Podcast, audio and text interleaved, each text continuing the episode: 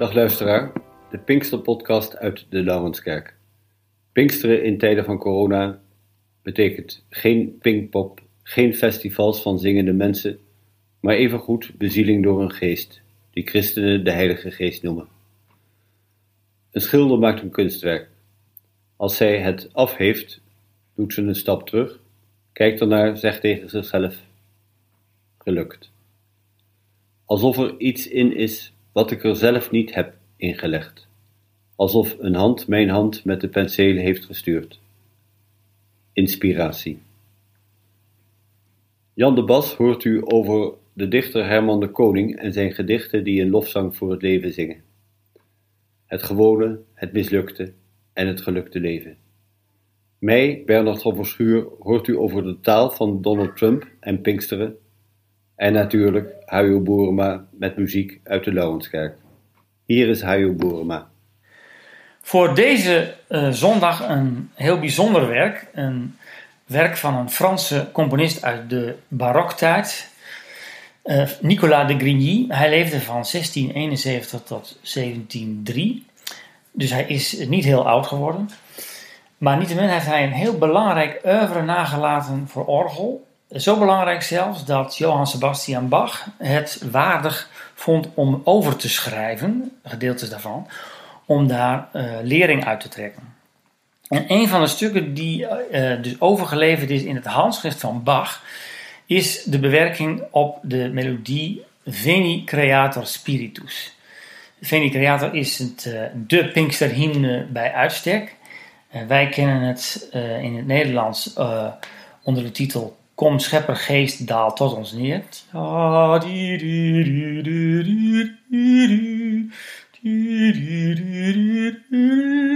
Enzovoort. En op deze hymne heeft de Grigny dus een belangrijke bewerking gemaakt. Het bestaat uit vijf delen. Daarvan horen we nu slechts drie vanwege de lengte. En het eerste deel heet Plein jeu en taille. En dan hoor je de melodie in lange noten waren in een soort trompetklank, terwijl die ondertussen weelderig omspeeld wordt. Uh, het tweede deeltje wat ik speel heet Duo. Uh, daar hoor je de melodie eigenlijk niet zo goed in terug, maar slechts flarden van de melodie heeft hij gebruikt om daar een hele elegante duo, uh, duet van te maken. En dan tot slot een dialogue sur les grands yeux, en dat is een feestelijke afsluiting van dit stuk.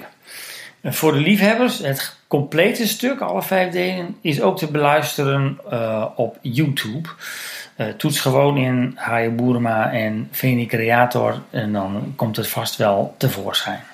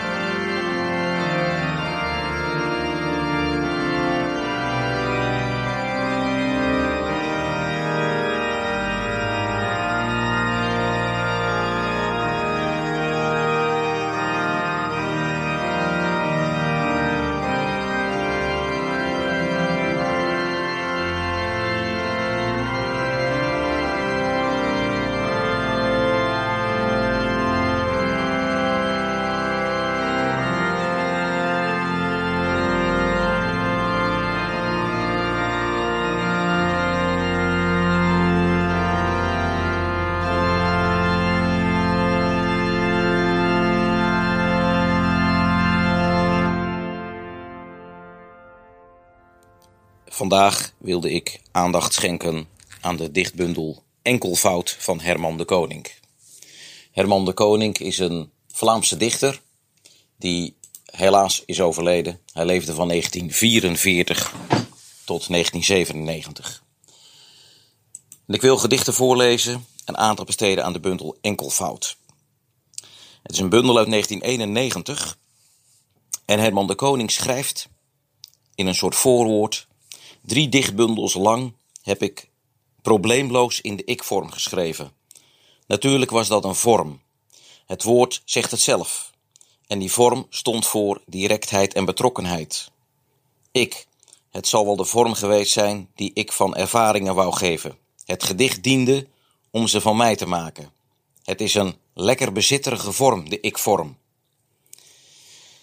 Hij neemt afscheid van de ik-vorm en hij kiest voor de hij-vorm. Veel gedichten gaan dus over de derde persoon enkelvoud in de dichtbundel Enkelvoud. En de titel van, het, van de bundel is ontleend aan een gedicht. Veel gedichten hebben geen titel. Op bladzijde 13 staat het volgende gedicht. Zes jaar heeft ze geleerd wat blijven was. Wat ouders deden en wat alles dus ging doen. Een tafel bij een stoel, nu bij toen. Het meervoud van geluk was wij. Sindsdien heeft ze geleerd wat enkelvoud is. Zij, nu weer half van jou, morgen half van mij. Toen ze acht was, was ze tien. Eén helft van haar gezicht lief, de ander liever. Bang om te kiezen tussen verliezen en verliezen. Vandaag is ze gewoon twaalf. Vier ouders, twee echt, twee stief. Slapen, gaan, moet met eindeloos gezoen. Ze wint altijd. Ze heeft geleerd wat blijven is. Wat ouders niet en kinderen wel doen. Herman de Koning schrijft over zijn leven. Hij schrijft over het leven. En hij doet dat op een manier die boeit. Want het gaat over hemzelf, maar door er doorheen lees je over je eigen leven, over de mogelijkheden van het leven. Wat het leven is, de aanvechting, de strijd, de tijdelijkheid, de poging van de dichter om het nu vast te leggen in woorden. Het is wat dat, betreft een soort impressionist, Herman de Koning. Hij wil met zijn pen en papier de werkelijkheid conserveren. En dat lukt hem natuurlijk helaas niet. Herman de Koning over de bundel Enkelvoud schrijft Tom van Deel in het dagblad Trouw. Rake woorden, namelijk zijn poëzie is aards en weigert elke vorm van quasi-diepzinnigheid. De taal bij de koning is nog in staat de originele verwondering uit te drukken. En dat is denk ik de kern van zijn gedichten. Hij is in staat, door de inspiratie gedreven, om op een authentieke en originele manier naar de werkelijkheid te kijken. Dat is een fascinatie wanneer je zijn werk uh, leest en doorleest. En uh, het is een, poging om, om de werkelijkheid te doorgronden, de werkelijkheid vast te houden. Keer op keer probeert Herman de Koning dat. En dat lukt hem niet, en dat lukt hem wel. En zo eh, schakelt hij in zijn dichtbundel heen en weer tussen, tussen mislukte en geslaagde pogingen. Een gedicht op bladzijde 29 met niets Lenten, bijen, de letter Z is ontsnapt. Grasprietje tussen mijn tanden is niet van mij, liedje ook niet, handen in zakken wel. Met zee, s'avonds is de zee één vuurtoren hoog, maar zo breed als vergeten. Met benieuwdheid, het is twee minuten voor nu. Ik ontbied dit moment. Ik trek even aan mijn sigaar en zeg: Wel. Herman de Koning, geen dichter in Nederland in Vlaanderen, in het Nederlands taalgebied, is zo bezig geweest met de poëzie in te zetten om het leven te bevatten, om het leven te verstaan, te doorgronden en uh, de ervaring van dat bestaan en de analyse in de poëzie door te geven. En keer op keer kom je dat in zijn werk tegen. En in deze bundel uh, enkelvoud. Volgen daarna nog drie bundel, twee bundels, schoolslag en vingerafdrukken. Juist in die drie bundels richt hij een monument op voor het bestaan. En uh, dat, dat is eigenlijk, zegt zijn vrouw, toenmalige vrouw Christine Hemricht in Taal zonder mij, de biografie de soort necrologie over Herman de Koning. Dat is ook het wezen van Herman de Koning. Het is één lofzang aan het bestaan. Het gaat over het leven. Het leven, ze schrijft, aan het eind van het boek: Soms overweeg ik om alle lichten aan te knippen, een CD op repeat op te leggen, de verwarming aan te zetten en het huis te verlaten, het huis aan zichzelf terug te geven, er een grafmonument van te maken, de grafkelder waar Herman van droomde, het mausoleum van het leven dat Herman en Christine samen leiden, een monument ter ere van afwezigheid. Ik sluit af met het gedicht uh, over het leven en God en het bestaan dat, dat zich voltrekt en waar je deel uit van maakt en waar je controle over probeert te krijgen. Het is het laatste gedicht wat ik lees. Het staat op bladzijde 39 en ook dit gedicht heeft geen titel. Zo voorzichtig als doorschijnende papiertjes tussen de bladzijden van een duur etsboek ligt bijna lichtblauw licht hier, over alles heen. Bladzijde 191, 1991. Zien en ontzien zijn hetzelfde. Zo nu Zoals het huis slaapt, af en toe tikt een regendruppel uit de lekke dakgroot, zorgvuldig als uit een pipet. Drie ruppels per uur, heeft de dokter tegen God gezegd. Dat is genoeg om de wereld te doen slapen, zo altijd. Onder melkwegen, onder lichtjaren verten, onder donkerjaren nacht. En het gaat fijntjes regenen, alsof iemand duizend en één spelden laat vallen, die hij straks weer allemaal moet oprapen. Zo overal, zo nu, nu, nu, tot het op is. Herman de Koning, enkelvoud, gedichten uit 1991, een aanrader.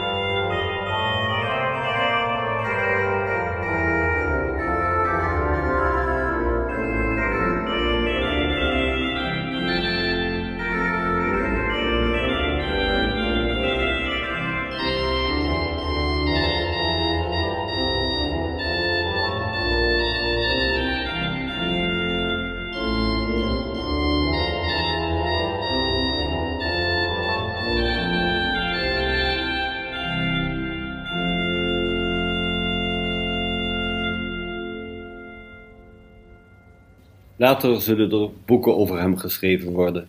Ik denk bibliotheken vol. Films gemaakt, tv-series, musicals, zelfs misschien een opera. Want er is geen mens die zo zijn stempel drukt op de jaren twintig en de paar jaar daarvoor van deze eeuw als Donald Trump. Veel mensen dachten, net als ik, dat de presidentsverkiezing van Trump een ongelukje was, een rare samenloop van factoren.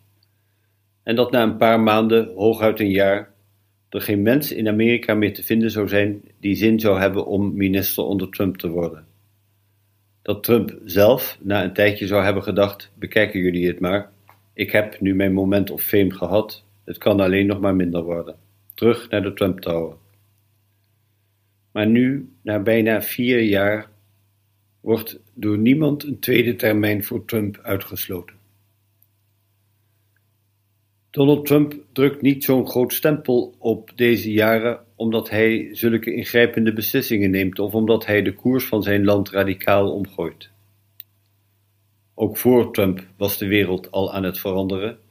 Eiste China een hoofdrol, sleutelde Rusland aan een nieuwe strategie om meer invloed te krijgen. Een andere president in Amerika zou hoogstens geprobeerd hebben de traditionele rol van Amerika als het meest invloedrijke land in de wereld in stand te houden tegen de feiten in. Maar Trumps voornaamste betekenis is dat hij alles ondersteboven gooit, negatief uitgedrukt, demonteert. De waarde waarvoor Amerika stond, de stabiliteit die het vertegenwoordigde. En dat doet hij vooral met één middel, met taal. En dat maakt wat je verder ook van mag vinden, dat maakt hem tot een fascinerende figuur. Er zijn er die zich afvragen hoe het toch komt dat Trump veel Amerikaanse christenen aanspreekt. Met zijn huwelijken, zijn machinaties, zijn losse omgang met de waarheid, de agressie waarmee hij tegenstanders probeert uit te schakelen. Ik heb daar een idee over. Trump heeft elke voorstelling van een autoriteit afgezworen. Misschien heeft hij zo'n voorstelling in zijn leven nooit gehad. De enige in wie hij gelooft, de enige autoriteit, dat is hij zelf. Wat hij zegt is waarheid, omdat het zijn waarheid is, zijn perceptie, zijn overtuiging. En wie hem tegenspreekt op grond van een andere overtuiging, een overtuiging die gebaseerd kan zijn op een overgeleverde waarde, zoals bijvoorbeeld dat je een ander niet vals moet beschuldigen, of dat je af en toe bij jezelf te raden gaat en vraagt of het allemaal wel klopt wat je zegt, die veegt Trump opzij. Hypocrites. Obama is in de ogen van Trump een van de grootste hypocrites, omdat hij zich laat voorstaan waarder te vertegenwoordigen te vertegenwoordigen waaraan in het politieke handelen altijd en onontkoombaar afbreuk gedaan wordt. Obama zei bijvoorbeeld dat hij voor het opstandige Syrische volk opkwam, dat er een grens was wat aan de Syrische president Assad zich tegen zijn volk kon veroorloven. Maar toen Assad gifbommen op zijn volk liet regenen, keek Obama net even de andere kant uit. Iedereen in de ogen van Trump is een hypocriet. Niemand, hoe voortreffelijk die zich ook voordoet, deugt. Ook Trump zelf niet, maar hij speelt anders dan de anderen niet en nooit de kaart van de morele voortreffelijkheid. Het zou nu kunnen dat die Amerikaanse christenen daarbij Trump iets herkennen. Als je christen bent omdat je ouders je met christelijke waarden hebben opgevoed of omdat je op de, een andere manier hebt gevonden, dan heb je ook enige gevoeligheid ontwikkeld voor hypocrisie, schijnheiligheid. Het christelijke geloof heeft je waarde bijgebracht en God, die die waarde vertegenwoordigt, is je autoriteit. Maar als je een beetje een ontwikkeld geweten hebt, wat met die waarde samengaat, dan ben je je er ook van bewust dat je er nooit aan voldoet. Vaak wel, meestal wel, bijna altijd wel misschien, Maar op sommige en op beslissende ogenblikken valt een mens door de mand. En dan vervloekt hij zich. Maar dat houdt een mens nooit lang vol. Dan haat hij in plaats daarvan de autoriteit die hem zo diep deed vallen. Dan haat hij alles, dan noemt hij iedereen een hypocriet. Trump is, zo stel ik mij voor, in de ogen van die Amerikaanse christenen in de kern niet een ander mens dan zijzelf. En hoe ik ook over hem denk, ik ben ook in veel opzichten niet zoveel anders dan hij is. Maar hij benoemt het. Hij komt er zelfs voor uit. Hij is bevrijd van de hypocrisie waar een christen altijd mee worstelt. Hij is iets wat zij, hoezeer zij het ook niet willen, als waarheid herkennen. Dit mechanisme van een mens die zich ondanks al zijn goede bedoelingen en pogingen van zijn schuldig zijn bewust wordt, is de rode draad die in de hele Bijbel loopt. Het is de essentie van alle verhalen over al die mensen die daarin voorkomen: Abraham, David, profeten, de leerlingen van Jezus in het Nieuwe Testament. De mens die niet tegen zijn eigen verwachtingen opgewassen is en de neiging voelt te concluderen, dan is het verdomme maar zo. Dezelfde rode draad die in de Bijbel ook daarnaast zichtbaar of hoorbaar wordt, is een stem die klinkt, die de mens in zijn schuldig zijn niet laat liggen, niet neersabelt, niet voor waardeloos veroordeelt of in zijn val laat stikken, maar die voor hem en met hem vecht om op te staan en hem doet verstaan dat deze worsteling het niet aan de eigen verwachtingen kunnen voldoen, dit weten, dat dat bij hem hoort en dat hem dat een echt mens maakt. Die stem is de stem van God, die de mens aan zijn roeping herinnert, die het goede in een mens bewaart en het weer tevoorschijn laat komen, waarbij die mens vaak helemaal niet meer wist of niet wist dat hij het in zich had. Het fascinerende, en daarmee zijn we weer bij Trump terug, dat het allemaal een kwestie van taal lijkt te zijn. Waar Trump tamelijk feilloos de vinger op legt, is dat de taal die in de politiek gebruikt wordt hol is geworden. Politici onderbouwen hun statements met waarden waarbij de hoorder begrijpt dat het in veel gevallen niet meer is dan retoriek. Ik denk omdat het voorbehoud van het menselijk tekort wordt ontkend of is weggedrukt. De kerk viert het feest van Pinksteren. Het is het verhaal van mensen, leerlingen van Jezus, die erachter kwamen dat ze bezield werden door een kracht die het goede in hen wakker riep, terwijl ze zo feilbaar waren als wie dan ook. Het gaat ook hier om de taal. Mensen verstaan elkaar, ze vertrouwen elkaar, ze spannen zich met elkaar voor iets in. En met heel hun feilbaarheid weten ze dat ze er iets goed van gaan maken, van het bestaan, samen. Goede Pinksteren.